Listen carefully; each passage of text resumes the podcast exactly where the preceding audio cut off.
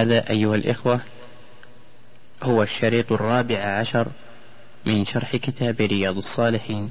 ثم قال جبريل أخبرني عن الساعة يعني عن قيام الساعة التي يبعث بها الناس ويجازون فيها على أعمالهم. فقال النبي صلى الله عليه وسلم ما المسؤول عنها بأعلم من السائل؟ المسؤول عنها يعني, يعني نفسه عليه الصلاة والسلام.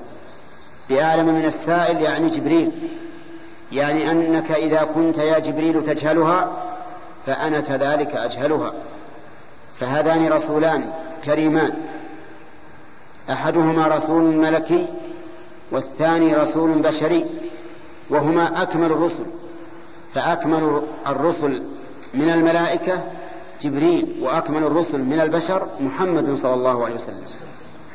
ومع ذلك فكل منهما ينفي أن يكون له علم بالساعة لأن علم الساعة عند من بيده إقامتها عز وجل وهو الله تبارك وتعالى.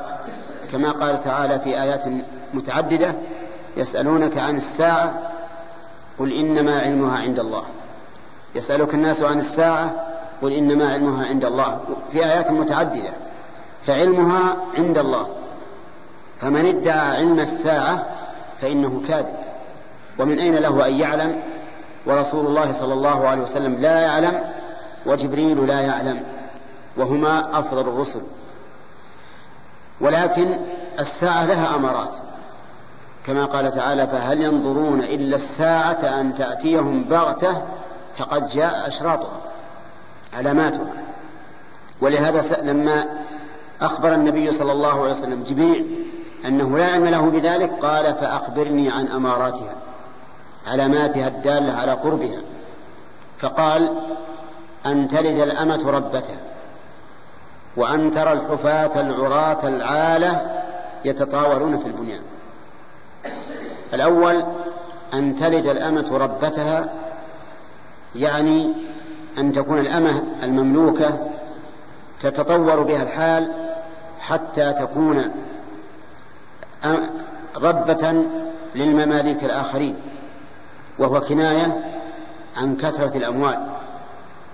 وكذلك الثاني وأن ترى الحفاة العراة العالة يتطاولون في البنيان. يعني الحفاة الذين ليس لهم نعال من الفقر. العراة ليس لهم كسوة من الفقر. العالة الفقراء يتطاولون في البنيان. يعني أنهم لا يلبثون إلا أن يكونوا أغنياء يتطاولون في البنيان حسا ومعنى. يتطاولون في البنيان حسا بأن يرفعوا بنيانهم إلى السماء. يتطاولون فيها معنى بأن يحسنوها ويزينونها ويدخلون عليها كل ما يكون من مكملاتها لأن لديهم وفرة من المال. وكل هذا وقع كل هذا وقع. وهناك أمارات أخرى وعلامات أخرى ذكرها أهل العلم في باب الملاحم والفتن وأشراط الساعة وهي كثيرة. ثم انطلق جبريل عليه الصلاة والسلام ولبثوا ما شاء الله أن يلبثوا ثم قال النبي صلى الله عليه وسلم لعمر أتدري من السائل؟ قال الله ورسوله أعلم. قال فإنه جبريل أتاكم يعلمكم دينكم.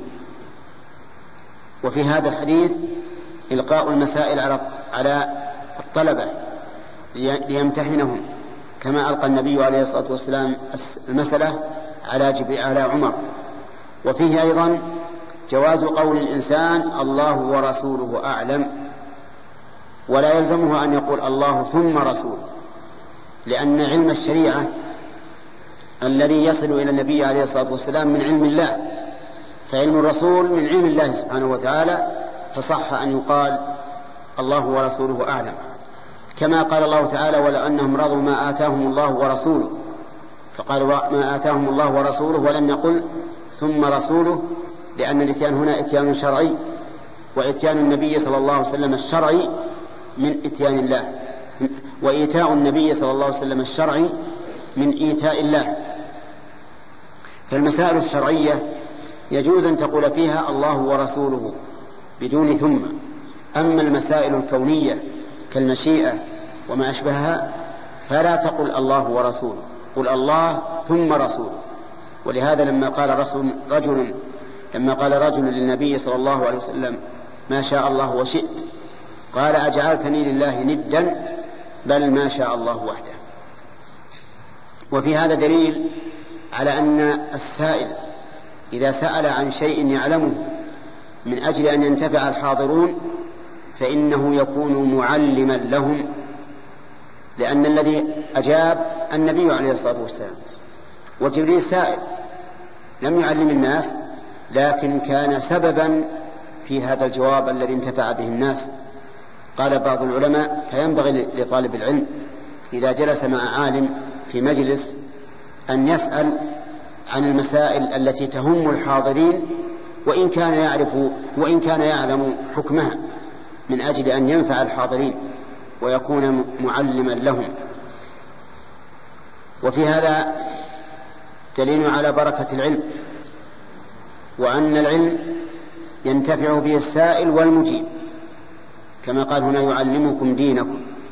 وفي هذا دليل أيضا في الحديث دليل على أنه حديث عظيم. يشتمل على الدين كله. ولهذا قال يعلمكم دينكم لأنه مشتمل على أصول العقائد وأصول الأعمال. أصول العقائد في الإيمان بالله وملائكته وكتبه ورسله واليوم الآخر والقدر خيره وشره وأصول الأعمال آه، وهي أركان الإسلام الخمسة. والله موفق. نقل المؤلف رحمه الله تعالى عن أبي ذر جندب بن جنادة وأبي عبد الرحمن معاذ بن جبل رضي الله عنهما عن رسول الله صلى الله عليه وسلم قال اتق الله حيثما كنت وأتبع السيئة الحسنة تمحها وخالق الناس بخلق حسن. رواه الترمذي وقال حديث حسن. قال المؤلف رحمه الله تعالى وعن أبي ذر جندب بن جناده ومعاذ بن جبل رضي الله عنهما أن النبي صلى الله عليه وسلم قال اتق الله حيثما كنت وأتبع السيئة الحسنة تمحها وخالق الناس بخلق حسن. هذا الحديث من أحاديث الأربعين النووية للمؤلف رحمه الله وفيها أن النبي عليه الصلاة والسلام أوصى بثلاث وصايا عظيمة. الوصية الأولى قال اتق الله حيثما كنت. وتقوى الله هي اجتناب المحارم وفعل الأوامر. هذه التقوى. أن تفعل ما أمرك الله به إخلاصا لله واتباعا لرسول الله صلى الله عليه وسلم وأن تترك ما نهى الله عنه امتثالا لنهي الله عز وجل وتنزها عن محارم الله. مثال ذلك تقوم بما أوجب الله عليك في أعظم أركان الإسلام بعد الشهادتين وهي الصلاة. فتأتي بها كاملة بشروطها وأركانها وواجباتها وتكملها بالمكملات. فمن أخل بشيء من شروط الصلاة أو واجباتها أو أركانها فإنه لم يتق الله بل نقص من تقواه بقدر ما نقص من ترك بقدر ما نقص بترك ما أمر الله به في صلاته. في الزكاة تقوى الله فيها أن تحصي جميع أموالك التي فيها الزكاة وتخرج زكاتها طيبة بها نفسك من غير بخل ولا تقتير ولا تأخير. فمن لم يفعل فإنه لم يتق الله. في الصيام تأتي بالصوم كما أمرت مجتنبا فيه اللغو والرفث والصخب والغيبة والنميمة وغير ذلك مما ينقص الصوم ويزيل روح الصوم ومعناه الحقيقي وهو الصوم عما حرم الله عز وجل. وهكذا بقية الواجبات تقوم بها طاعة لله امتثالا لأمره إخلاصا له اتباعا لرسوله. وكذلك في المنهيات تترك ما نهى الله عنه امتثالا لنهي الله عز وجل حيث نهاك فانتهي. الثانية أتبع السيئة الحسنة تمحها يعني إذا عملت سيئة فأتبعها بحسنة. فإن الحسنات يذهبن السيئات. ومن الحسنات بعد السيئات أن تتوب إلى الله من السيئات. فإن التوبة من أفضل الحسنات. كما قال الله تعالى إن الله يحب التوابين ويحب المتطهرين. وقال تعالى وتوبوا إلى الله جميعا أيها المؤمنون لعلكم تفلحون. وكذلك الأعمال الصالحة تكفر السيئات كما قال النبي عليه الصلاة والسلام الصلوات الخمس والجمعة إلى الجمعة ورمضان إلى رمضان كفارة لما بينهن ما اجتنبت الكبائر. وقال العمرة إلى العمرة كفارة لما بينهما. فالحسنات يذهبن السيئات. الثالثة خالق الناس بخلق حسن. والوصيتان الأوليان في معاملة الخالق والثالثة في معاملة الخلق. أن تعاملهم بخلق حسن تحمد عليه ولا تذم فيه. وذلك بطلاقة الوجه وصدق القول وحسن المخاطبة وغير ذلك من الأخلاق الحسنة. وقد جاءت النصوص الكثيرة بفضل خلق الحسن حتى قال النبي عليه الصلاة والسلام أكمل المؤمنين إيمانا أحسنه أحسنهم خلقا. وأخبر أن أولى الناس به صلى الله عليه وسلم وأقربهم منه منزلة يوم القيامة أحاسنكم أخلاقا. فالأخلاق الحسنة مع كونها مع, مع كونها مسلك حسن في المجتمع ويكون صاحبها محبوبا إلى الناس هي فيها أجر عظيم. يناله الإنسان في يوم القيامة. فاحفظ هذه الوصايا الثلاث من النبي صلى الله عليه وسلم. اتق الله حيثما كنت وأتبع السيئة الحسنة تمحها وخالق الناس بخلق حسن. والله موفق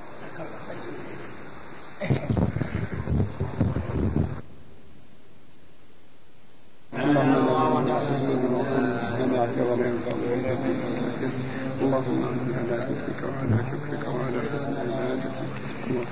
الله الرحمن الرحيم. الحمد لله رب العالمين والصلاة والسلام على نبينا محمد وعلى آله وصحبه أجمعين. نقل المؤلف رحمه الله تعالى عن ابن عباس رضي الله عنهما قال كنت خلف النبي كنت خلف النبي صلى الله عليه وسلم يوما فقال يا غلام إني أعلمك كلمات. احفظ الله يحفظك احفظ الله تجده تجاهك. إذا سألت فاسأل الله وإذا استعنت فاستعن بالله. واعلم أن الأمة لو اجتمعت على أن ينفعوك بشيء لم ينفعوك إلا بشيء قد كتبه الله لك. وإن اجتمعوا على أن يضروك بشيء لم يضروك إلا بشيء قد كتبه الله عليك. رفعت الأقلام وجفت الصحف رواه الترمذي وقال حديث حسن صحيح. وفي رواية غير الترمذي احفظ الله تجده أمامك. تعرف إلى الله في الرخاء يعرفك في الشدة. واعلم أن ما أخطأك لم يكن ليصيبك وما أصابك لم يكن ليخطئك. واعلم أن النصر مع الصبر وأن الفرج مع الكرب وأن مع العسر يسرا.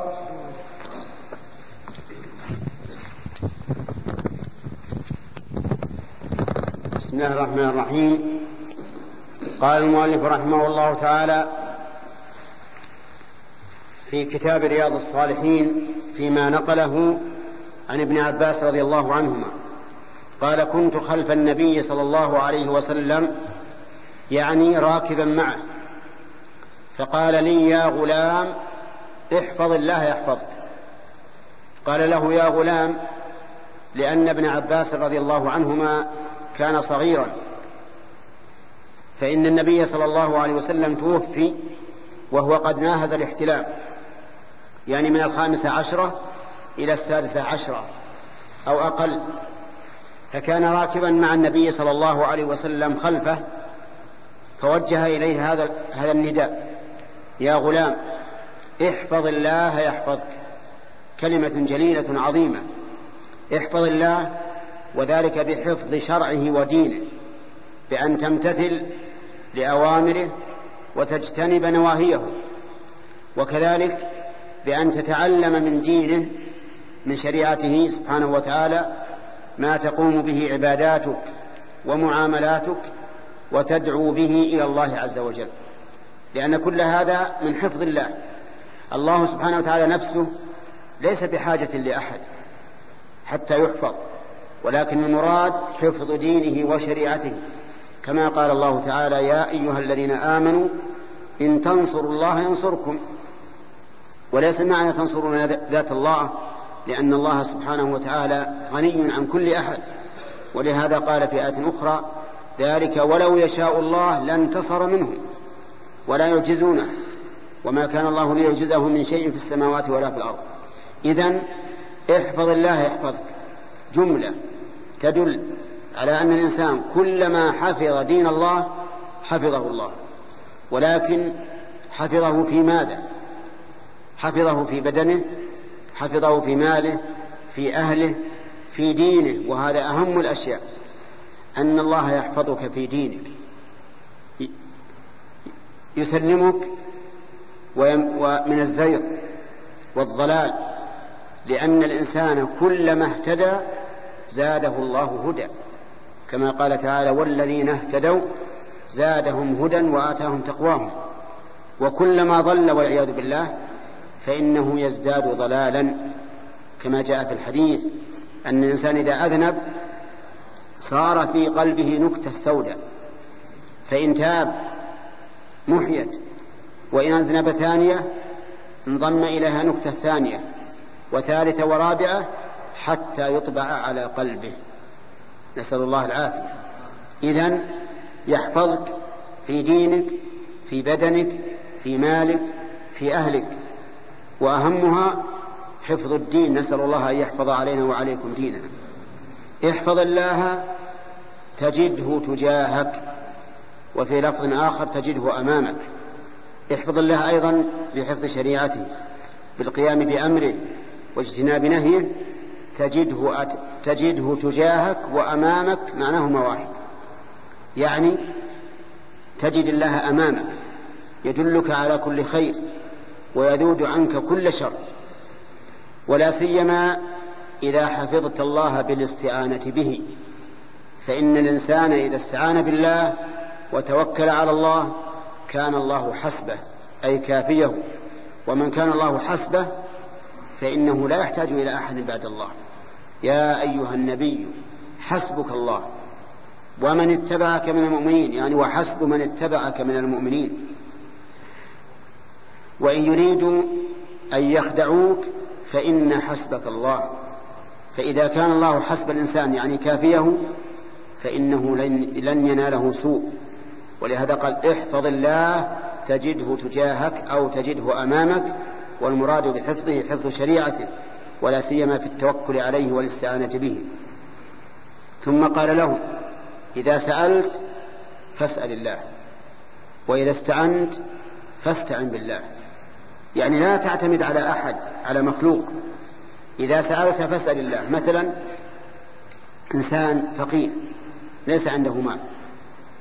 يسأل الله يقول اللهم ارزقني اللهم هيئ لي رزقا فيأتيه الرزق من حيث لا يحتسب.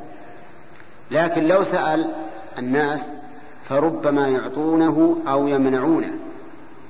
ولهذا جاء في الحديث لأن يأخذ أحدكم حبلة فيحتطب ثم يبيعه لكان خيرا له من أن يسأل الناس أعطوه أو منعوه.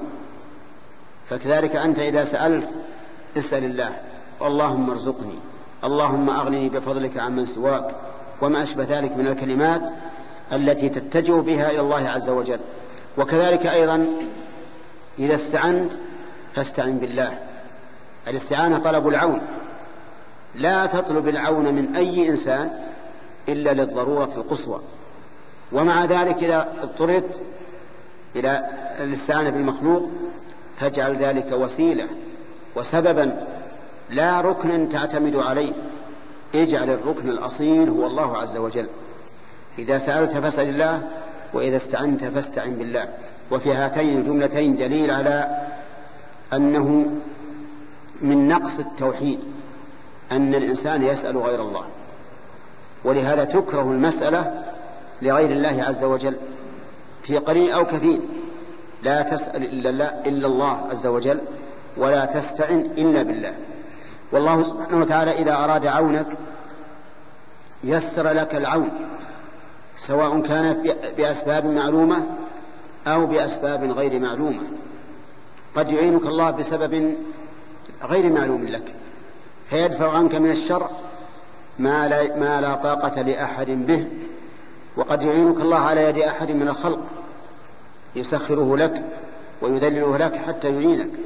ولكن مع ذلك لا يجوز لك إذا أعانك الله على يد أحد لا يجوز لك أن تنسى المسبب وهو الله عز وجل كما يفعله بعض الجهلة الآن.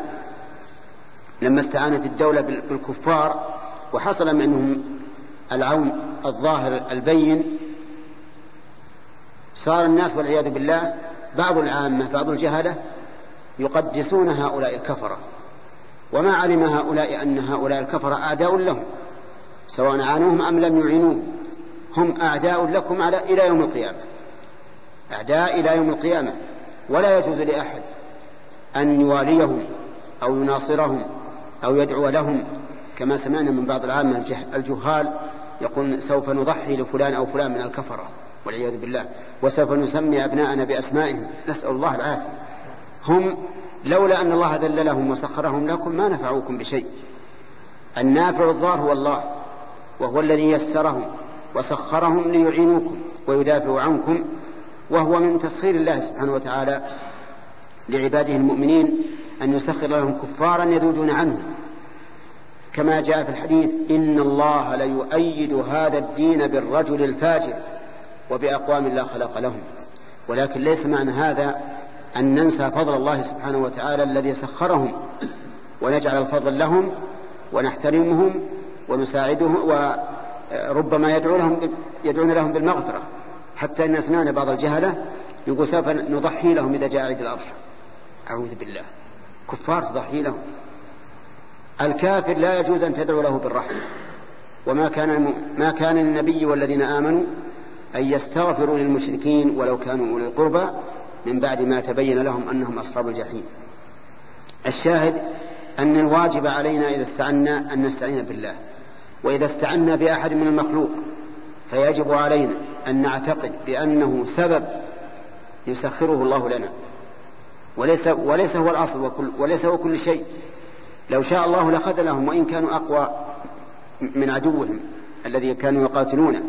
ولكن الله سبحانه وتعالى جعل دفع الشر بما حصل عندهم من القوة كل هذا من نعمة الله علينا. نحن فيجب علينا أن نشكر الله أولا وآخرا لأنه هو الذي سخرهم وجاء بهم من بلادهم حتى يدافعوا عن بلادنا وحتى يأخذوا على يد الظالم حتى يزول ظلمه أما أن نقدسهم أو أن نعتقد بقلوبنا أنهم هم السبب الأول والأخير فإن هذا جهل وضلال. فيجب علينا أيها الأخوة أن نزيل هذا من من قلوب العامة. إذا سمعنا أحدا يركن إليهم ويقول هم الذين نصرونا مئة بالمئة وهم الأول والآخر يجب علينا أن نبين لهم أن هذا خلل في التوحيد. ويأتي إن شاء الله بقية كمان الحديث. نقل المؤلف رحمه الله تعالى عن ابن عباس رضي الله عنهما قال كنت خلف النبي صلى الله عليه وسلم يوما فقال يا غلام إني أعلمك كلمات احفظ الله يحفظك احفظ الله تجده تجاهك. إذا سألت فاسأل الله وإذا استعنت فاستعن بالله. واعلم أن الأمة لو اجتمعت على أن ينفعوك بشيء لم ينفعوك إلا بشيء قد كتبه الله لك. وإن اجتمعوا على أن يضروك بشيء لم يضروك إلا بشيء قد كتبه الله عليك. رفعت الأقلام وجفت الصحف. رواه الترمذي وقال حديث حسن صحيح. وفي رواية غير الترمذي احفظ الله تجده أمامك تعرف إلى الله في الرخاء يعرفك في الشدة واعلم أن ما أخطأك لم يكن ليصيبك وما أصابك لم يكن ليخطئك واعلم أن النصر مع الصبر وأن الفرج مع الكرب وأن مع العسر يسرا. الكلام على أول هذا الحديث. حتى وصلنا إلى قوله صلى الله عليه وسلم وإذا استعنت فاستعن بالله. قال واعلم أن الأمة لو اجتمعت على أن ينفعوك بشيء لم ينفعوك إلا بشيء قد كتبه الله لك. فبين النبي عليه الصلاة والسلام في هذه الجملة أن الأمة لو اجتمعوا كل اجتمعت كلها على أن ينفعوك بشيء لم ينفعوك إلا بشيء قد كتبه الله لك فإذا وقع منهم نفع لك فاعلم أنه من الله لأنه هو الذي كتبه. لم يقل النبي صلى الله عليه وسلم لو اجتمعت على أن ينفعوك بشيء لم ينفعوك بل قال لم ينفعوك إلا بشيء قد كتبه الله لك. فالناس بلا شك ينفع بعضهم بعضا ويعين بعضهم بعضا ويساعد بعضهم بعضا لكن كل هذا مما كتبه الله للإنسان. فالفضل فيه لله أولا عز وجل. هو الذي سخر لك من ينفعك ويحسن إليك ويزيل كربتك. وكذلك بالعكس لو اجتمعوا على أن يضروك بشيء لم يضروك إلا بشيء قد كتبه الله عليك.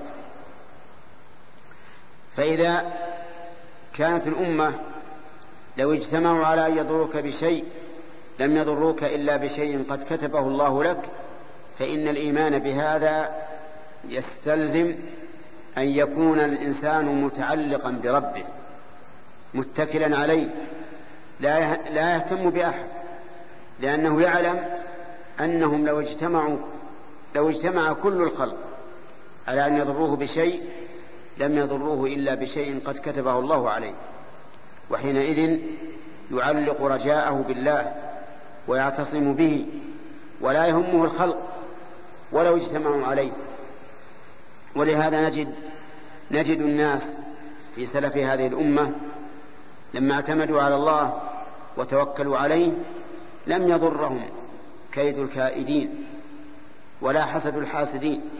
وإن تصبروا وتتقوا لا يضركم كيدهم شيئا. إن الله بما يعملون محيط. ثم قال عليه الصلاة والسلام رفعت الأقلام وجفت الصحف. يعني أن ما كتبه الله فقد انتهى. رفع والصحف جفت من المداد ولم يبق مراجعة. فما أصابك لم يكن ليخطئك كما في اللفظ الثاني وما أخطأك لم يكن ليصيبك. وفي اللفظ الثاني قال عليه الصلاة والسلام واعلم أن النصر مع الصبر وأن الفرج مع الكرب وأن مع العسر يسرا يعني اعلم علم يقين أن النصر مع الصبر. فإذا صبرت وفعلت ما أمر الله بك ما أمر الله ما أمرك الله به من وسائل النصر فإن فإن الله تعالى ينصرك. والصبر هنا يشمل الصبر على طاعة الله وعن معصيته وعلى أقداره المؤلمة لأن العدو يصيب الإنسان من كل, من كل جهة. فقد يشعر الإنسان أنه لن يطيق عدوه فيستحسر ويدع الجهاد. وقد يشرع في الجهاد ولكن إذا أصابه الأذى استحسر وتوقف. وقد يستمر ولكنه يصيبه الألم من عدوه فهذا أيضا يجب أن يصبر عليه. قال الله تعالى إن يمسسكم قرح فقد مس القوم قرح مثله. وقال تعالى ولا تهنوا في ابتغاء القوم إن تكونوا تعلمون فإنهم يعلمون كما تعلمون وترجون من الله ما لا يرجون. وكان الله عليما حكيما. فإذا صبر الإنسان وصابر ورابط فإن الله سبحانه وتعالى ينصره. واعلم أن الفرج أن الفرج مع الكرب كلما اقتربت الأمور وضاقت فإن الفرج قريب. لأن لأن الله عز وجل يقول في كتابه أمن يجيب المضطر إذا دعاه ويكشف السوء ويجعلكم خلفاء الأرض أإله مع الله. قليلا ما تذكرون. فكلما اشتدت الأمور فانتظر الفرج من الله سبحانه وتعالى. وأن مع العسر يسرا فكل عسر فبعده يسر. بل إن العسر محفوف بيسرين يسر سابق ويسر لاحق. قال الله تعالى فإن مع العسر يسرا إن مع العسر يسرا. وقال ابن عباس رضي الله عنهما لن يغلب عسر يسرين. فهذا الحديث الذي أوصى به النبي صلى الله عليه وسلم عبد الله بن عباس ينبغي للإنسان أن يكون على ذكر له دائما وأن يعتمد على هذه الوصايا النافعة التي أوصى بها النبي صلى الله عليه وسلم ابن عمه عبد الله بن عباس رضي الله عنهما. والله موفق. نقل المؤلف رحمه الله تعالى عن أنس بن مالك رضي الله عنه قال إنكم لتعملون أعمالا. هي أدق في هي أدق في أعينكم من الشعر. كنا نعدها على عهد رسول الله صلى الله عليه وسلم من الموبقات. رواه البخاري وقال الموبقات المهلكات.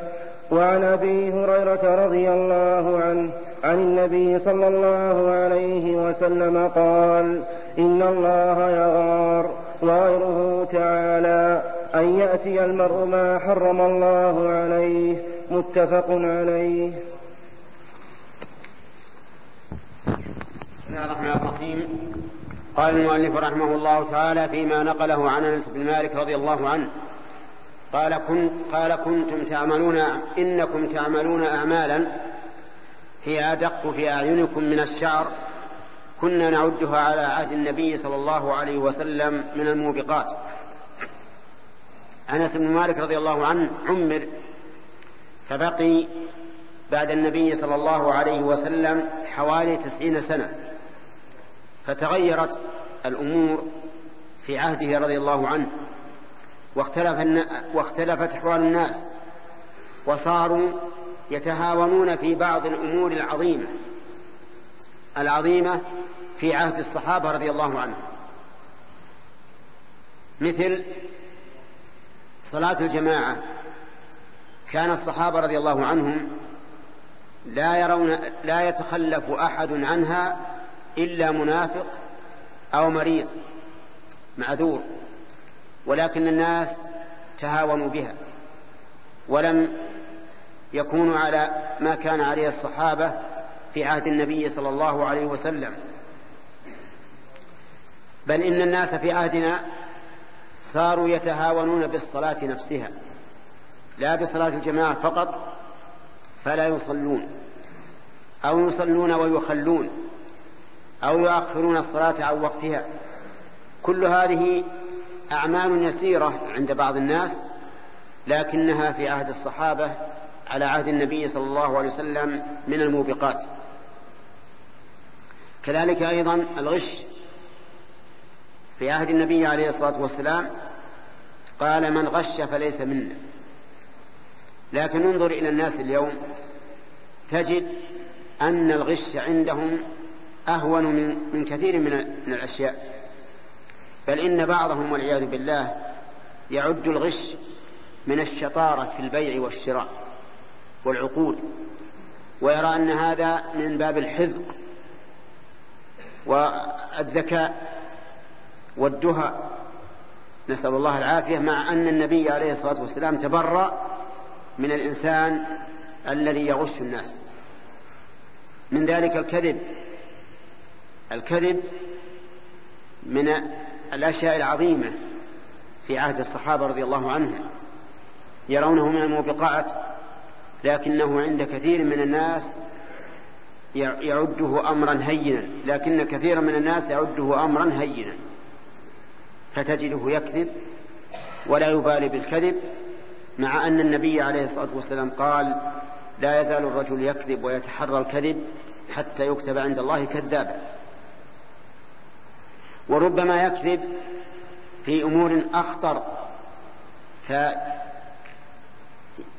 فيجحد ما يجب عليه للناس أو يدعي ما ليس له ويحاكمهم عند القاضي ويحلف على ذلك فيكون والعياذ بالله ممن يلقى الله وهو عليه غضبان. إلى غير ذلك من المسائل الكثيرة التي يعدها الصحابة رضي الله عنهم من الموبقات من المهلكات ولكن الناس اختلفوا فصارت في أعينهم أدق من الشعر. وذلك لأنه كلما قوي الإيمان عظمت المعصية عند الإنسان. وكلما ضعف الإيمان خفت المعصية في قلب الإنسان. ورآها أمرا هينا يتهاون ويتكاسل عن الواجب ولا يبالي لأنه ضعيف الإيمان. والله موفق. قال رحمه الله تعالى عن أبي هريرة رضي الله عنه عن النبي صلى الله عليه وسلم قال إن الله تعالى يغار وغير الله تعالى أن يأتي وغيرة الله تعالى أن يأتي المرء ما حرم الله عليه متفق عليه.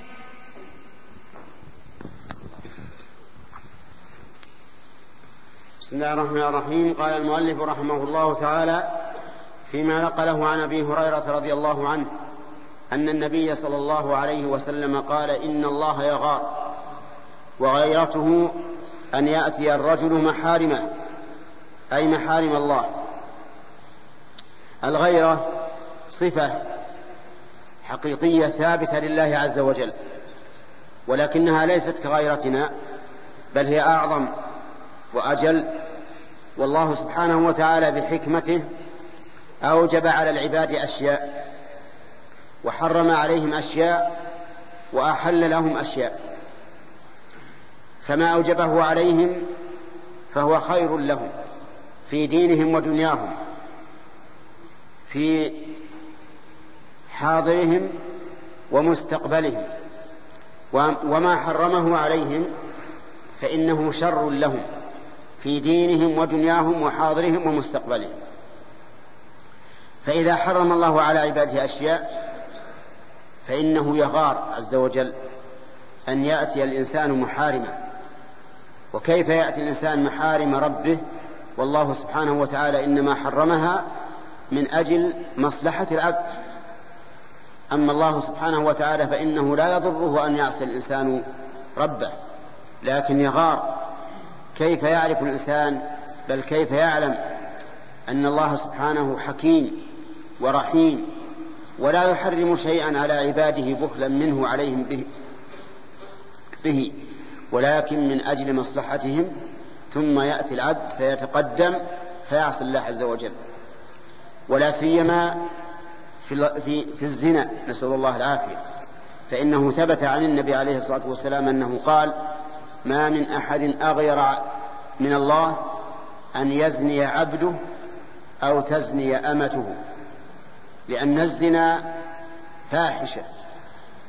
الزنا طريق سافل سيء ومن ثم حرم الله على عباده الزنا وجميع وسائل الزنا.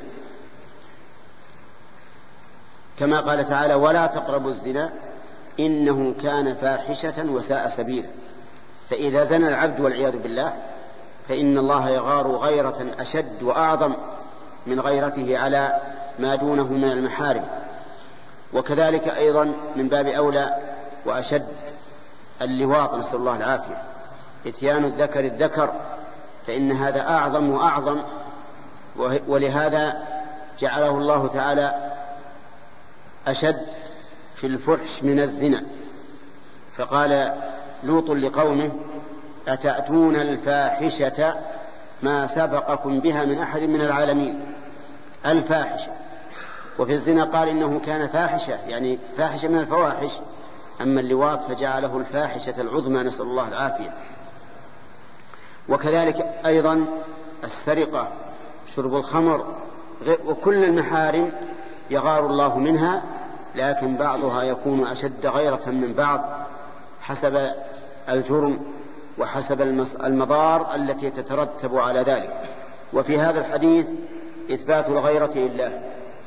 وسبيل أهل السنة والجماعة فيه وفي غيره من أحاديث الصفات وآيات الصفات أنهم يثبتونها لله سبحانه وتعالى على الوجه اللائق به.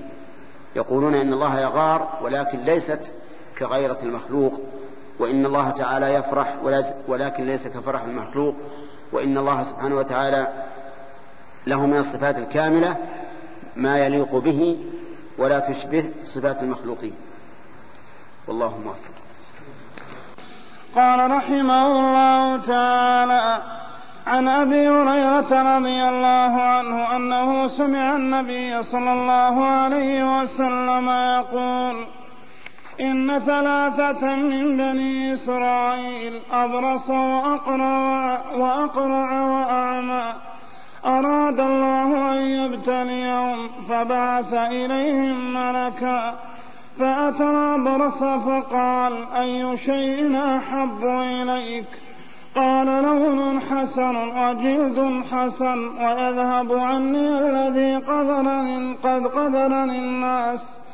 فمسحه فذهب عنه قدره وأعطي لونا حسنا فقال فأي المال أحب إليك؟ قال الإبل أو قال البقر شك الراوي. فأعطي ناقة عشرا فقال بارك الله لك فيها. فأتى الأقرع فقال أي شيء أحب إليك؟ قال شعر حسن ويذهب عني الذي قد ويذهب عني الذي قدر الناس. فمسحه فذهب عنه وأعطي شعرا حسنا. قال فأي المال أحب إليك؟ قال البقر. فأعطي بقرة حاملا. قال بارك الله لك فيها.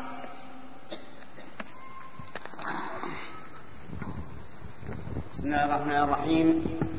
قال المؤلف رحمه الله تعالى فيما نقله عن أبي هريرة رضي الله عنه أنه سمع النبي صلى الله عليه وسلم يقول إن ثلاثة من بني إسرائيل أبرص وأقرع وأعمى. إسرائيل هو إسحاق ابن إبراهيم عليه الصلاة والسلام. أخو إسماعيل ومن ذريته أي من ذرية إسرائيل موسى وهارون وعيسى وجميع بني إسرائيل كلهم من ذرية إسحاق عليه الصلاة والسلام.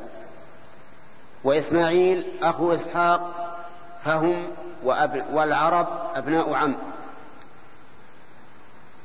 وقد جاءت أخبار كثيرة عن بني إسرائيل وهي ثلاثة أقسام.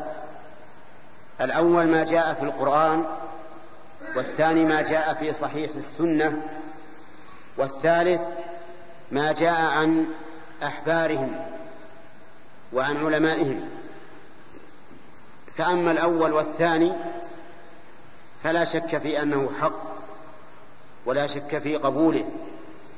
مثل قوله تعالى ألم تر إلى الملأ من بني إسرائيل؟ من بعد موسى إذ قالوا لنبي لهم بعث لنا ملكا نقاتل في سبيل الله. ومن السنة مثل هذا الحديث الذي رواه أبو هريرة عن النبي صلى الله عليه وسلم.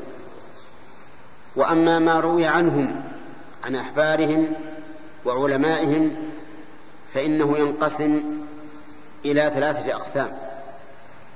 الأول ما شهد الشرع ببطلانه فهذا باطل يجب رده. وهذا يقع كثيرا فيما ينقل من الإسرائيليات في تفسير القرآن. فإنه ينقل في تفسير القرآن كثير من الأخبار الإسرائيلية التي يشهد الشرع ببطلانها.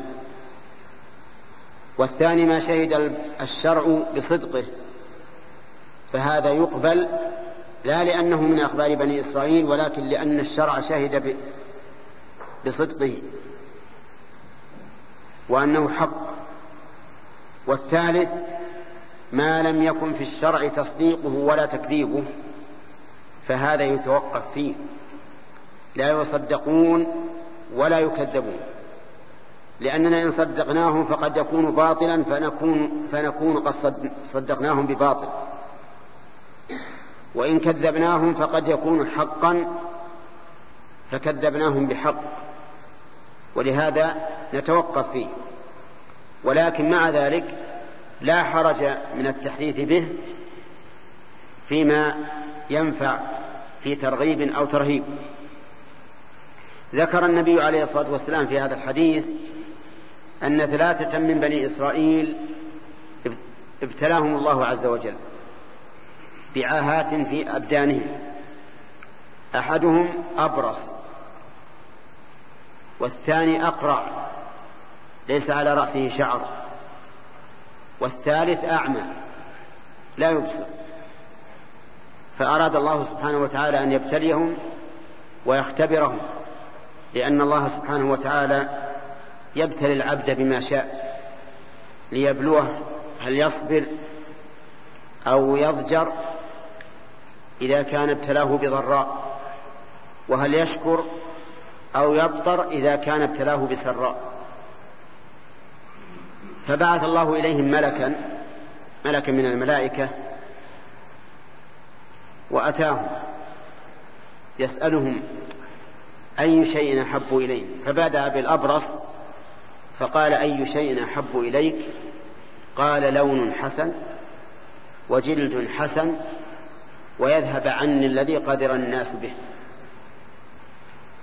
لأن أهم شيء على الإنسان أن يكون معافى من العاهات ولا سيما العاهات العاهات المكروهة عند الناس. فمسحه مسحه الملك فبرأ بإذن الله. وزال عنه البرص وأعطي لونا حسنا وجلدا حسنا. ثم قال له أي المال أحب إليك؟ قال الإبل أو قال البقر. والظاهر أنه قال البقر لأنه في في قصة الأقرع أعطي البقر فيكون هذا أعطي الإبل. فأعطاه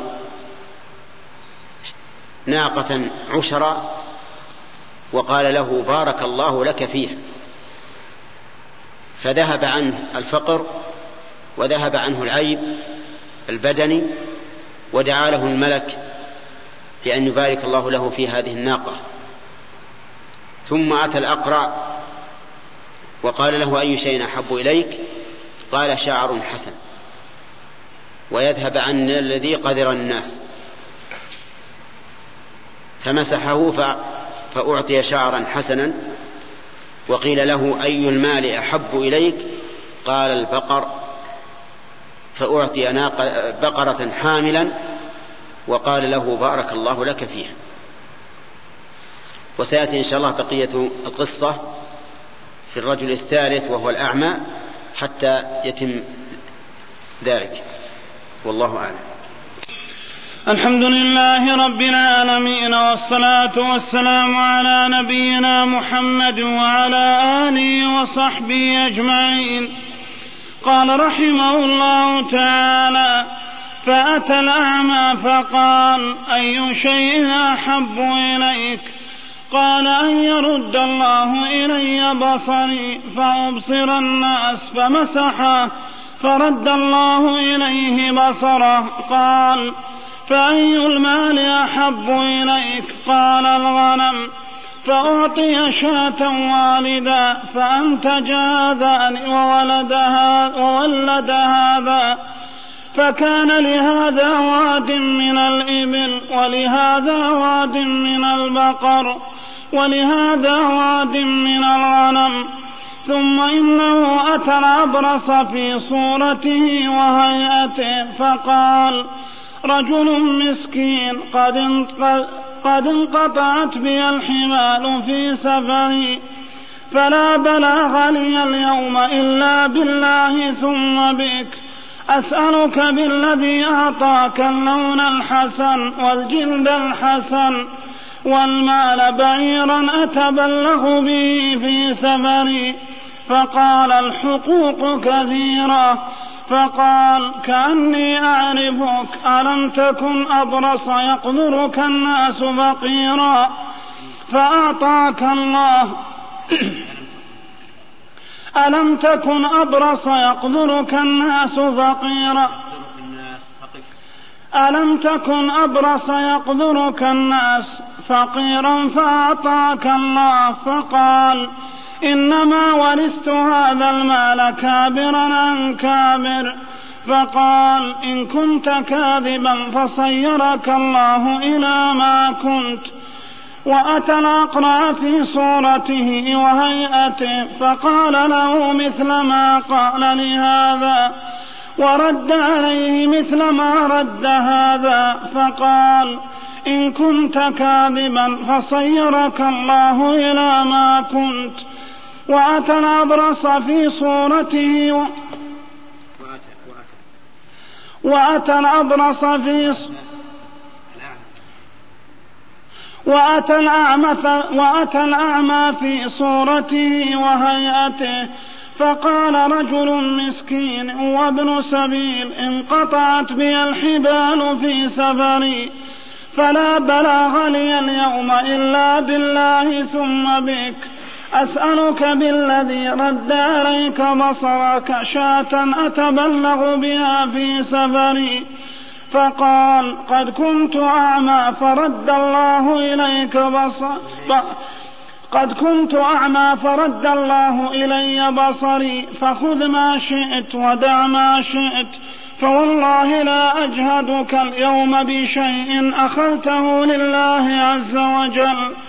فقال أمسك مالك فإنما ابتليتم فقد رضي الله عنك وسخط عن صاحبيك. متفق عليه.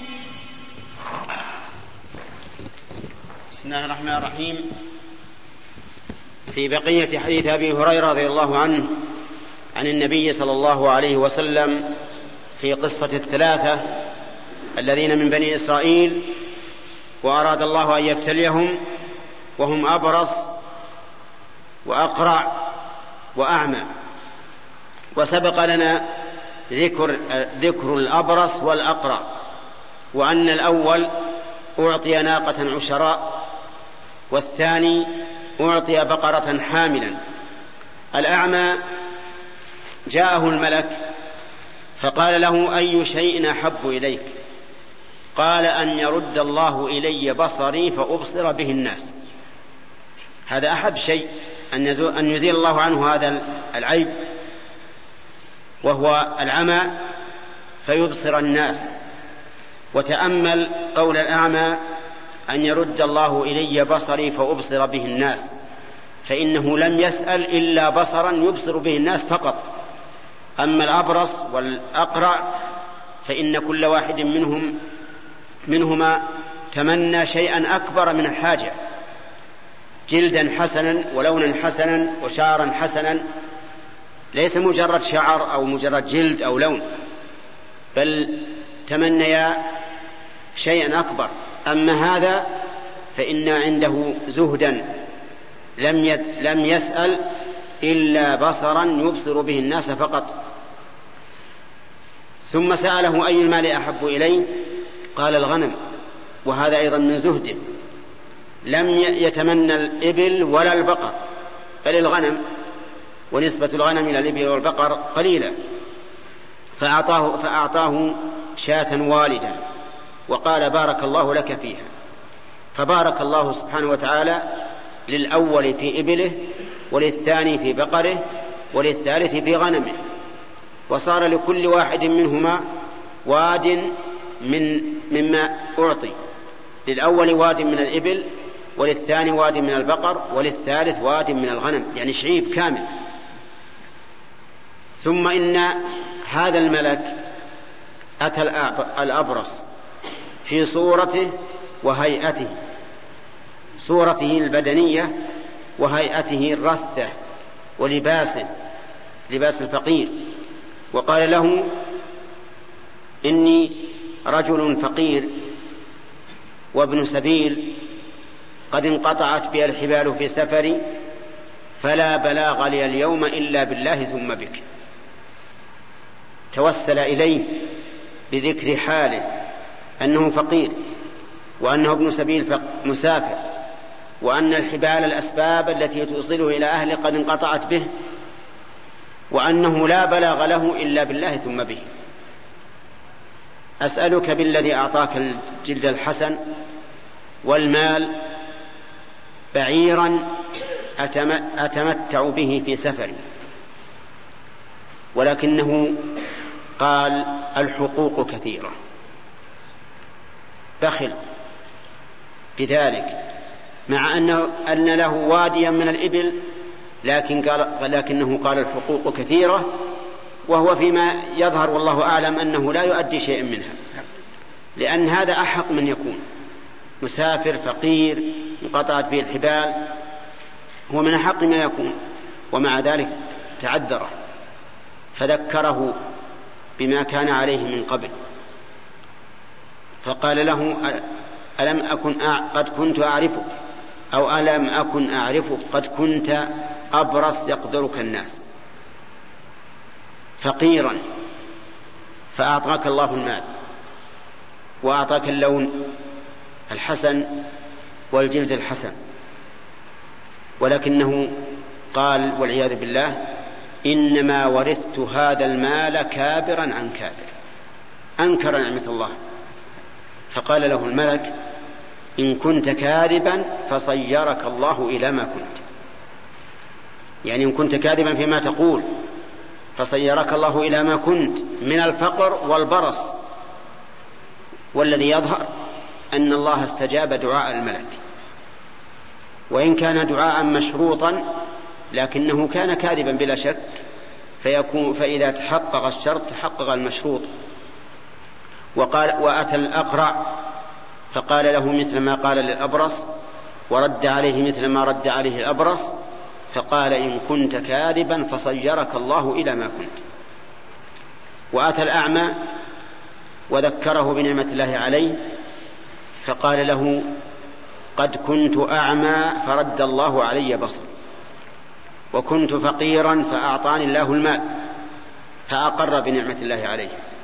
فخذ ما شئت ودع ما شئت من الغنم. اللي تبي خذ والذي تريد اترك فوالله لا أجهدك اليوم بشيء أخذته لله. يعني لا أمنعك ولا أشق عليك بالمنع بشيء أخذته لله عز وجل. الشكر والاعتراف بالنعمة فقال له الملك إنما ابتليتم. أمسك عليك مالك فإنما ابتليتم. فقد رضي الله عنك وسخط على صاحبيك. وهذا يدل على أن القصة كانت مشهورة بين الناس. ولهذا قال سخط على صاحبيه فأمسك ماله وبقي قد أنعم الله عليه بالبصر. وأما الآخران فإن الظاهر أن الله ردهما إلى ما كان عليه من الفقر والعاهة والعياذ بالله.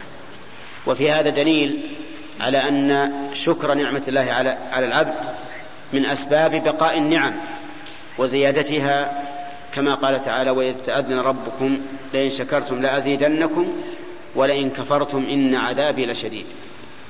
والله أعلم.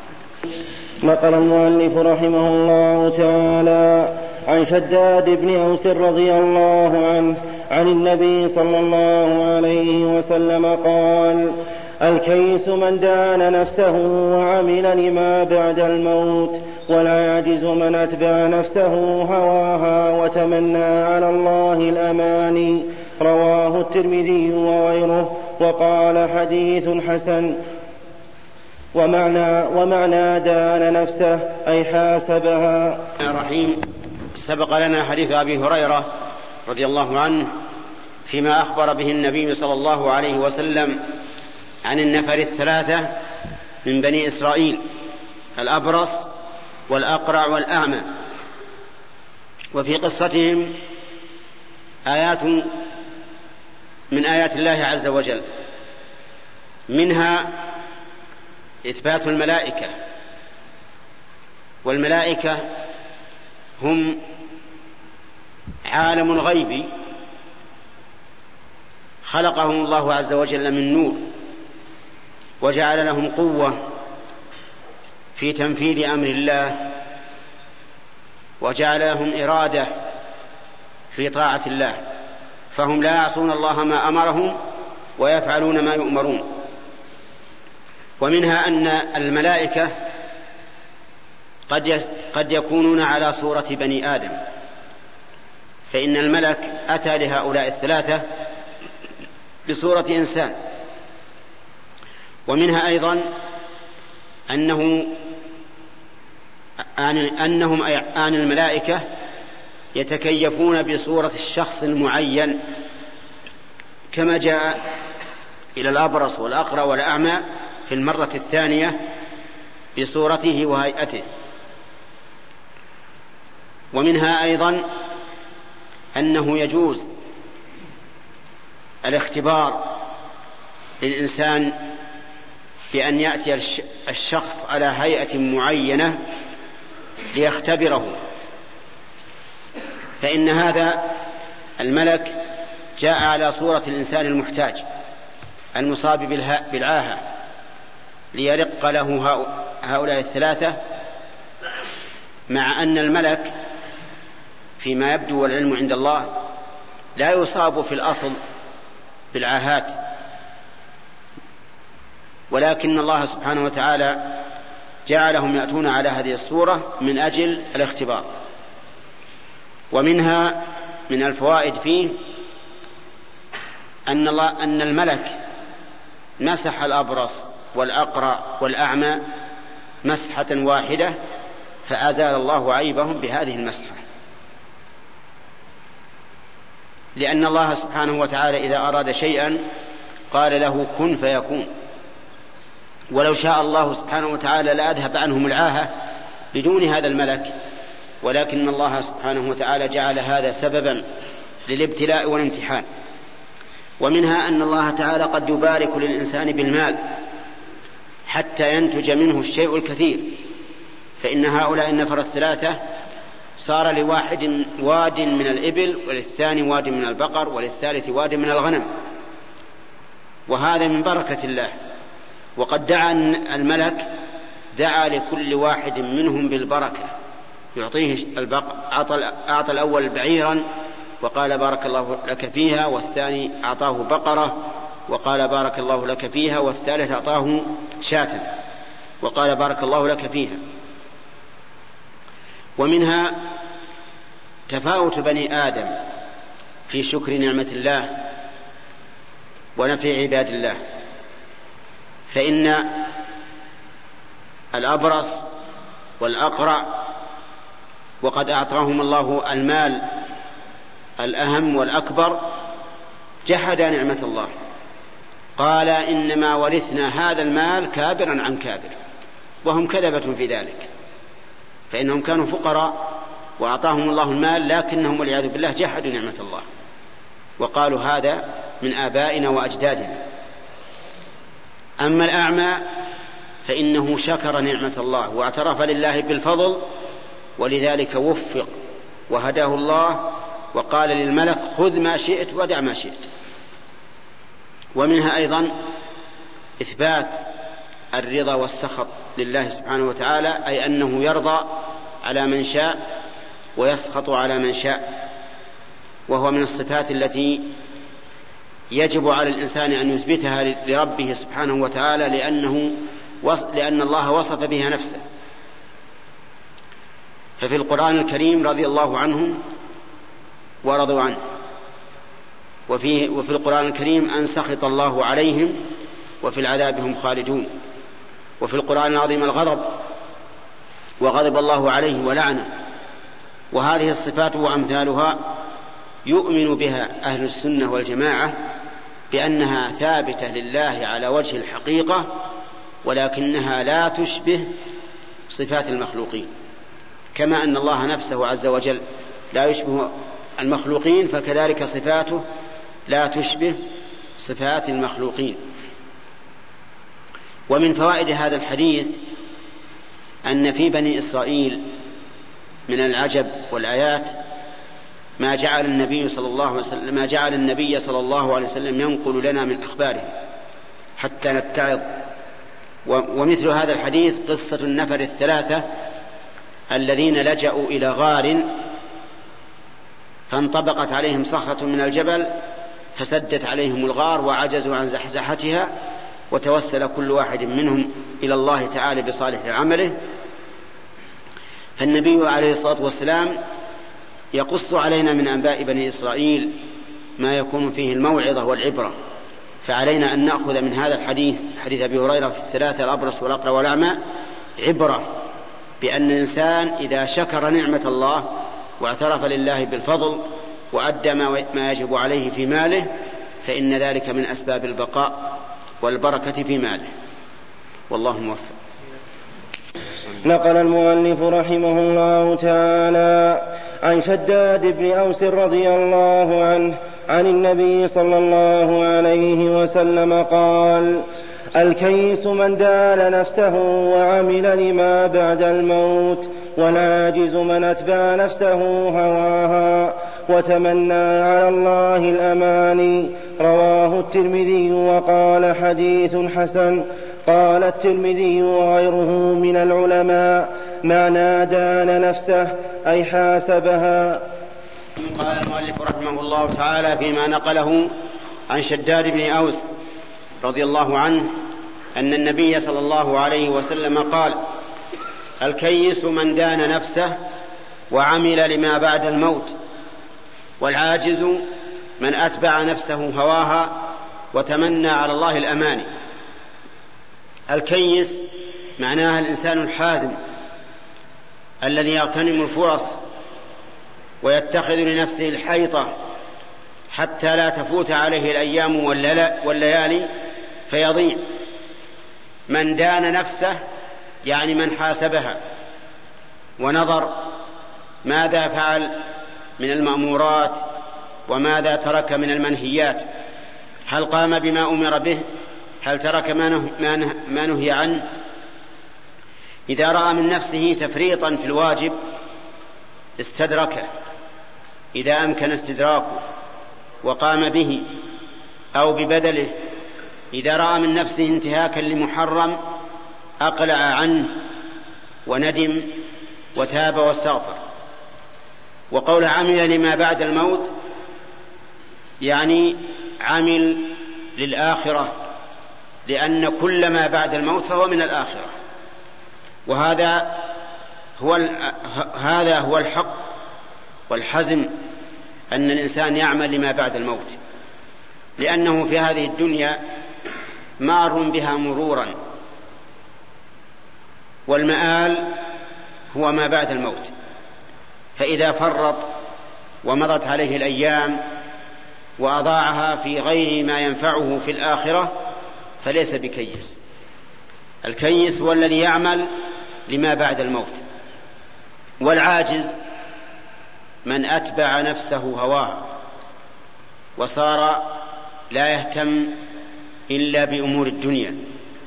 يتبع نفسه هواها في التفريط في الأوامر يتبع نفسه هواها في فعل النواهي ثم يتمنى على الله الأماني فيقول الله غفور الله غفور رحيم وسوف أتوب إلى الله في المستقبل وسوف أصلح من حالي إذا كبرت وما أشبه ذلك من الأمان الكاذبة التي يمليها الشيطان عليه وربما يدركها وربما لا يدركها.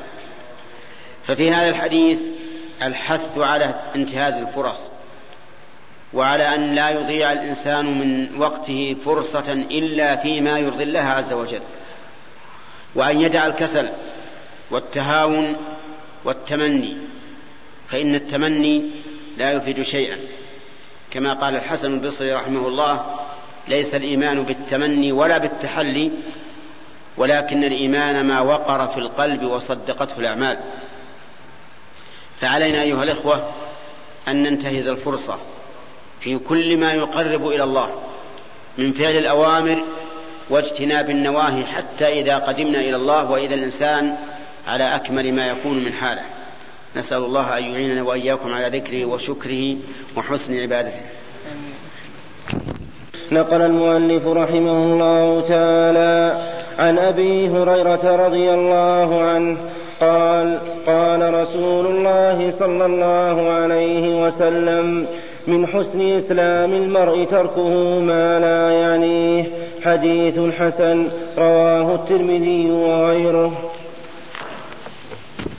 بسم الله الرحيم قال المؤلف رحمه الله تعالى فيما نقله عن أبي هريرة رضي الله عنه عن النبي صلى الله عليه وسلم أنه قال من حسن إسلام المرء تركه ما لا يعنيه. إسلام المرء هو استسلامه لله عز وجل ظاهرا وباطنا. فأما باطنا فاستسلام العبد لربه إصلاح عقيدته وإصلاح قلبه. وذلك بأن يكون مؤمنا بكل ما يجب الإيمان به على ما سبق في حديث جبريل. وأما الاستسلام ظاهرا فهو إصلاح عمله الظاهر كأقواله بلسانه وأفعاله بجوارحه. والناس يختلفون في الإسلام اختلافا ظاهرا كثيرا كما أن الناس يختلفون في أشكالهم وصورهم. منهم الطويل ومنهم القصير ومنهم الضخم ومنهم من دون ذلك ومنهم القبيح ومنهم الجميل يختلفون اختلافا ظاهرا. فكذلك أيضا يختلفون في إسلامهم لله عز وجل. حتى قال الله تعالى في كتابه لا يستوي منكم من أنفق من قبل الفتح وقاتل. أولئك أعظم درجة من الذين أنفقوا من بعد وقاتلوا وكلا وعد الله الحسنى. وإذا كان الناس يختلفون في الإسلام فإن من مما يزيد في حسن إسلام المرء أن يدع ما لا يعنيه. من كما قال النبي عليه الصلاة والسلام في هذا الحديث من حسن إسلام المرء تركه ما لا يعنيه. يعني ما لا يهمه لا في دينه ولا في دنياه. فالإنسان المسلم إذا أراد أن يجعل إسلامه حسنا فليدع ما لا يعنيه. الشيء الذي لا يهمه اتركه فمثلا إذا كان عملا وترددت هل تفعل أو لا تفعل؟ انظر. هل هو من الأمور الهامة في دينك وفي دنياك؟ فافعل. وإلا فاتركه السلامة أسلم. كذلك أيضا ما تتدخل في شؤون الناس. لا تتدخل فيها. إذا كان ذلك لا يهمك. وهذا خلاف ما يفعله بعض الناس اليوم. تجد بعض الناس يحرص على إنه يطلع على أحوال الناس. يجد اثنين يتكلمون يحاول أن يقرب من عندهم حتى يسمع ما يقولون. يجد شخصا جاء من وجه يعني من جهة من الجهات يبحث وربما يلجئ الشخص نفسه يقول له منين جيت؟ وماذا قال لك فلان؟ وماذا, وماذا قلت له؟ وما أشبه ذلك. في أمور لا, لا تعنيه ولا تهمه فالشيء الذي لا يعنيك اترك فإن ذلك من حسن إسلامك وهو أيضا فيه راحة فيه راحة للإنسان. كون الإنسان لا يهمه إلا نفسه إلا نفسه. هذا هو الراحة. أما الذي يتتبع أحوال الناس ماذا قيل ماذا قالوا وماذا قيل لهم فإنه سوف يتعب تعبا عظيما. ويفوت على نفسه خيرا كثيرا مع أنه لا يستفيد شيئا. فأنت اجعل دأبك دأب نفسك همك هم نفسك. انظر ما ينفعك افعله الذي لا ينفعك اترك مالك فيه السنة. وليس هذا من حسن إسلامك أن تبحث عن أشياء لا تهمك. ولو أننا مشينا على هذا وصار الإنسان دأب دأب نفسه. لا ينظر إلا إلى فعله. ماذا فعل؟ ماذا أنتج؟ لحصل خيرا كثيرا. أما بعض الناس تجده مشغولا بشؤون غيره فيما لا فائدة له من ذلك. فيه فيضيع أوقاته ويشغل قلبه ويشتت فكره وتضيع عليه مصالح كثيرة. وتجد الرجل الدؤوب الذي ليس له هم إلا نفسه وما يعنيه تجده ينتج. ويثمر ويحصل ويكون في راحة قلبية وراحة فكرية. ولهذا يعد هذا الحديث من جوامع كلم النبي صلى الله عليه وسلم. إذا أردت شيء فعلا أو تركا انظر هل يهمك أو لا؟ إن كان لا يهمك اتركه ولا تتعرض له. واسترح منه وريح قلبك وفكرك وعقلك وبدنك. إن كان يهمك فعلى كل حال كل إنسان عاقل كما جاء في الحديث السابق الكيس من دان نفسه فإن كل إنسان عاقل يحرص على أن يعمل لما بعد الموت ويحاسب نفسه على أعمالها. والله موفق. قال رحمه الله تعالى في باب التقوى قال الله تعالى يا أيها الذين آمنوا اتقوا الله حق تقاته. وقال الله تعالى فاتقوا الله ما استطعتم. وهذه الآيات مبينة للمراد من الأولى. وقال تعالى يا أيها الذين آمنوا اتقوا الله وقولوا قولا سديدا. والآيات في الأمر بالتقوى كثيرة معلومة. وقال تعالى ومن يتق الله يجعل له مخرجا ويرزقه من حيث لا يحتسب. وقال تعالى إن تتقوا الله يجعل لكم فرقانا ويكفر عنكم سيئاتكم ويغفر لكم والله ذو الفضل العظيم. والآيات في الباب كثيرة معلومة.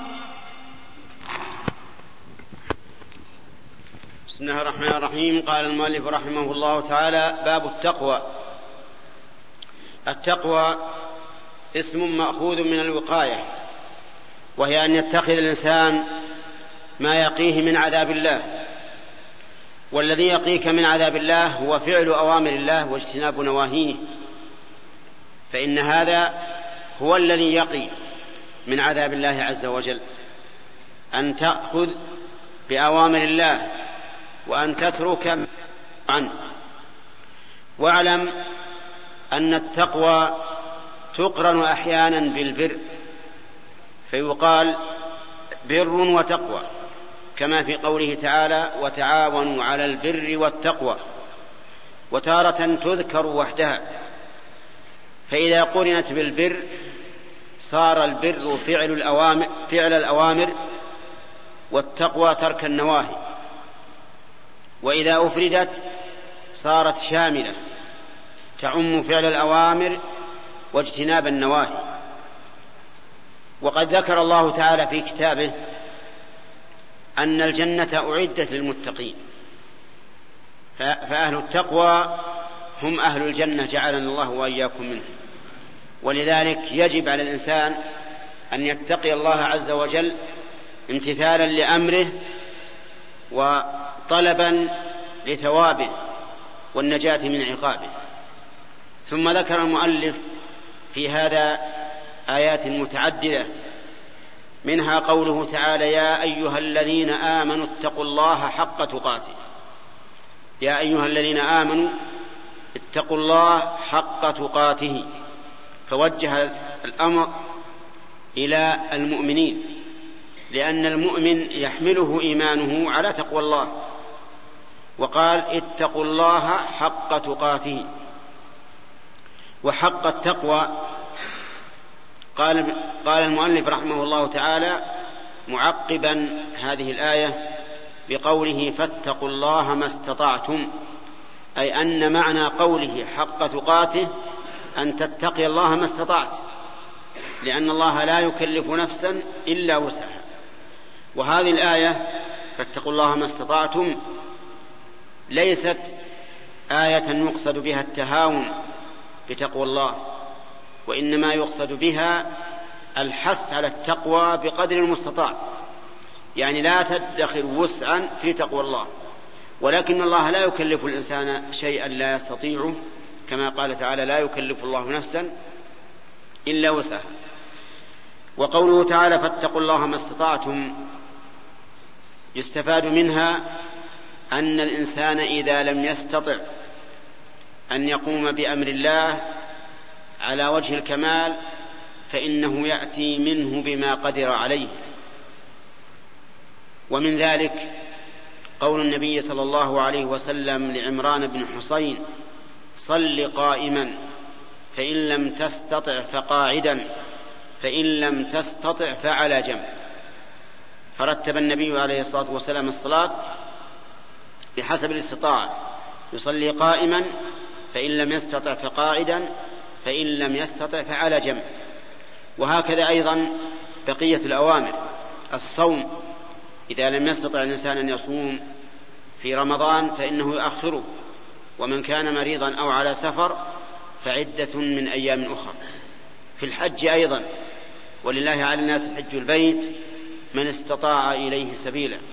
فإذا لم تستطع الوصول إلى البيت فلا حج عليك. لكن إن كنت قادرا بمالك دون بدنك وجب عليك أن تقيم من يحج عنك ويعتمر عنك. فالحاصل أن التقوى كغيرها منوطة بالاستطاعة. فمن فمن لم يستطع شيئا من أوامر الله فإنه يعدل إلى ما يستطيع. ومن اضطر إلى شيء من محارم الله حل له ما ينتفع به في دفع الضرورة. لقوله تعالى وقد فصل لكم ما حرم عليكم إلا ما اضطررتم إليه.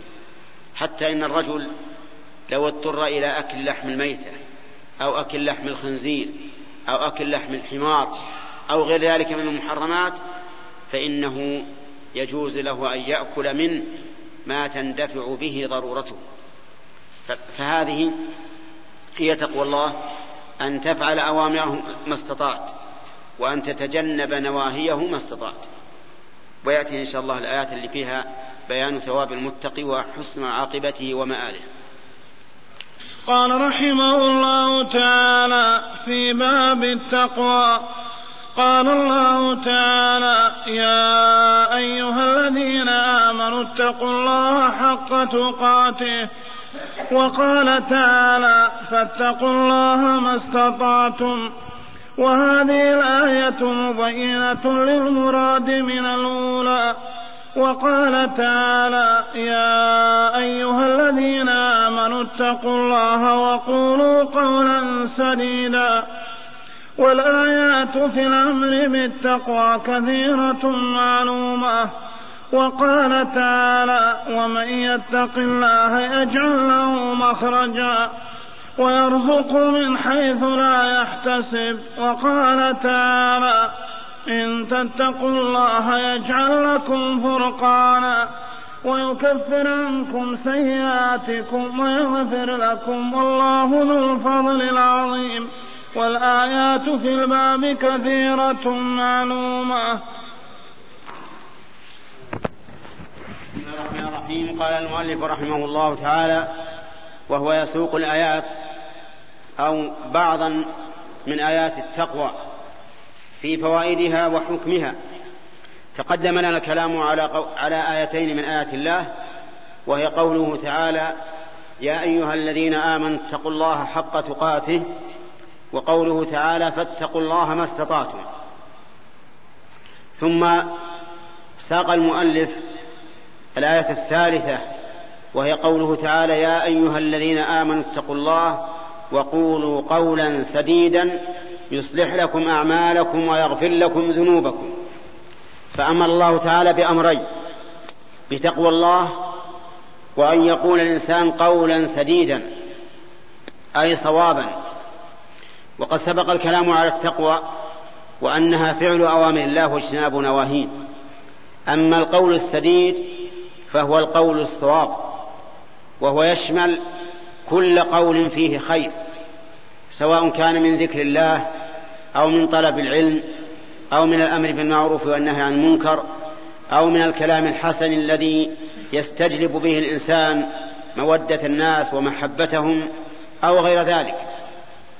يجمعه قول النبي صلى الله عليه وسلم من كان يؤمن بالله واليوم الآخر فليقل خيرا أو ليصمت وضد ذلك القول غير السديد وهو القول الذي ليس بصواب بل خطأ إما في موضوعه وإما في محله إما في موضوعه بأن يكون كلاما فاحشا يشتمل على السب والشتم والغيبة والنميمة وما أشبه ذلك. أو في محله يعني بأن يكون هذا القول في نفسه هو خير لكن كونه يقال في هذا المكان ليس بخير. لأن لكل مقام مقال. فإذا قلت كلاما هو في نفسه ليس بشر, ليس بشر لكنه يسبب شرا إذا قلته في هذا المحل. فلا تقل لأن هذا ليس بقول سديد بل هو قول خطأ. وإن كان هو ليس حراما فمثلا لو فرض أن شخصا رأى إنسانا على منكر ونهاه عن المنكر لكن نهاه في حال لا ينبغي أن يقول له فيها شيئا. أو أغلظ له في القول. أو ما أشبه ذلك لعد هذا قولا غير سديد. فإذا قال الإنسان فإذا اتقى الإنسان ربه وقال قولا سديدا حصل على فائدتين. يصلح لكم أعمالكم ويغفر لكم ذنوبكم. فبالتقوى صلاح الأعمال ومغفرة الذنوب وبالقول السديد صلاح الأعمال ومغفرة الذنوب. وعلم من هذه الآية أنه أن من لم يتق الله ويقول قولا سديدا فإنه حري بأن لا يصلح الله له أعماله ولا يغفر له ذنبه. ففيه الحث على تقوى الله وبيان فوائدها. وقال تعالى وهي الآية الرابعة ومن يتق الله يجعل له مخرجا ويرزقه من حيث لا يحتسب. من يتق الله يعني يفعل ما أمر به ويترك ما ويترك ما نهى عنه يجعل له مخرجا. مخرجا من أي شيء؟ من كل ضيق. كلما ضاق عليه الشيء وهو متق لله عز وجل جعل له مخرجا. سواء كان ذلك في معيشة أو في أموال أو في أولاد أو في مجتمع أو غير ذلك. متى كنت متقيا لله فثق بأن الله سيجعل لك مخرجا من كل ضيق. واعتمد ذلك لأنه قول من يقول للشيء كن فيكون. من يتق الله يجعل له مخرجا. وما أكثر الذين اتقوا الله فجعل لهم مخرجا. من ذلك قصة الثلاثة الذين انطبق عليهم الغار. انطبق عليهم الغار. نزلت صخرة على باب الغار فسدته. فأرادوا أن يزيحوها فعجزوا. فتوسل كل منهم بصالح أعماله إلى الله عز وجل ففرج الله عنهم وزالت الصخرة. جعل الله لهم مخرجا. والأمثلة على هذا كثيرة. و ومن يتق الله يجعل له مخرجا ويرزقه من حيث لا يحتسب. هذا أيضا فائدة عظيمة. أن الله يرزقك من حيث لا تحتسب. فمثلا لو فرضنا أن رجلا يكتسب المال عن طريق محرم كطريق الغش أو الربا وما أشبه ذلك ونصح في هذا وترك لله فإن الله سيجعل له مخرجا ويرزقه من حيث لا يحتسب. ولكن لا تتعجل لا تظن أن الأمر إذا تأخر فلن يكون. قد يبتلي الله العبد فيؤخر عنه الثواب ليختبره. هل يرجع إلى الذنب أو لا يرجع؟ فمثل إذا كنت تتعامل بالربا ووعظك من يعظك من الناس وتركت ذلك ولكنك بقيت شهرا أو شهرين ما وجدت ربحا. لا تيأس. لا تقول أين الرزق من حيث لا أحتسب انتظر. ثق بوعد الله وصدق بوعد الله وستجده. لا تتعجل. ولهذا جاء في الحديث يستجاب لأحدكم يعني إذا دعا ما لم يعجل. قالوا كيف يعجل يا رسول الله؟ قال يقول دعوت ثم دعوت ثم دعوت فلم يستجب لي. اصبر. اترك ما حرم الله عليك وانتظر الفرج والرزق من حيث لا تحتسب. والله موفق.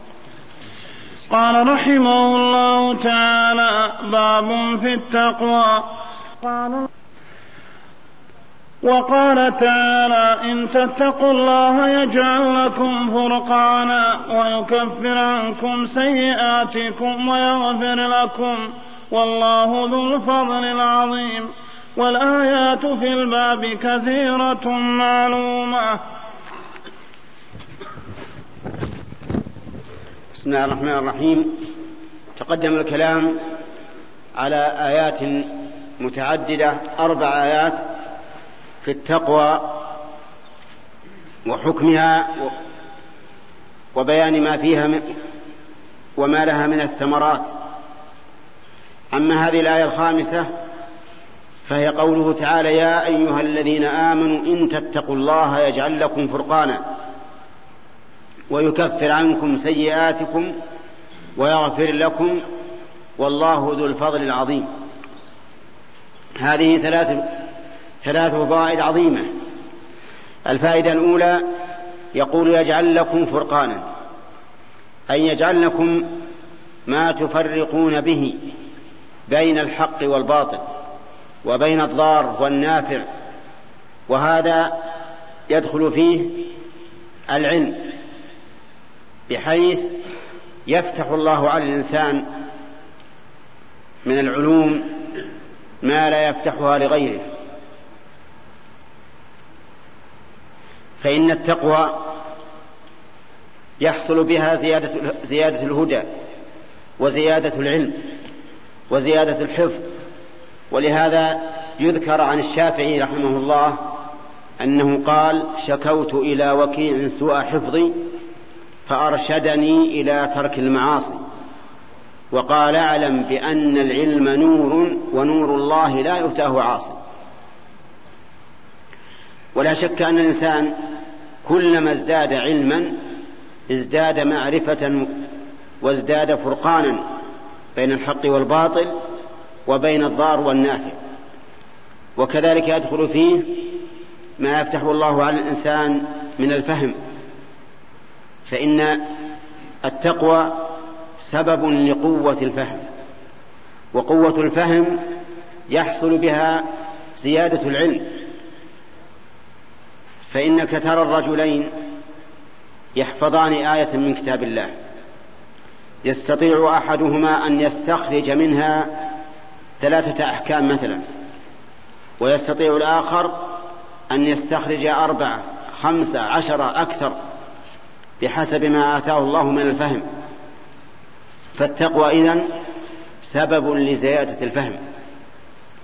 ويدخل في ذلك أيضا الفراسة أن الله يعطي المتقي فراسة يميز بها حتى بين الناس بمجرد ما يرى الإنسان يعرف أنه كاذب أو صادق أنه بر أو فاجر حتى إنه ربما يحكم على الشخص وهو لم يعاشره ولم يعرف عنه شيئا بسبب ما أعطاه الله من الفراسة.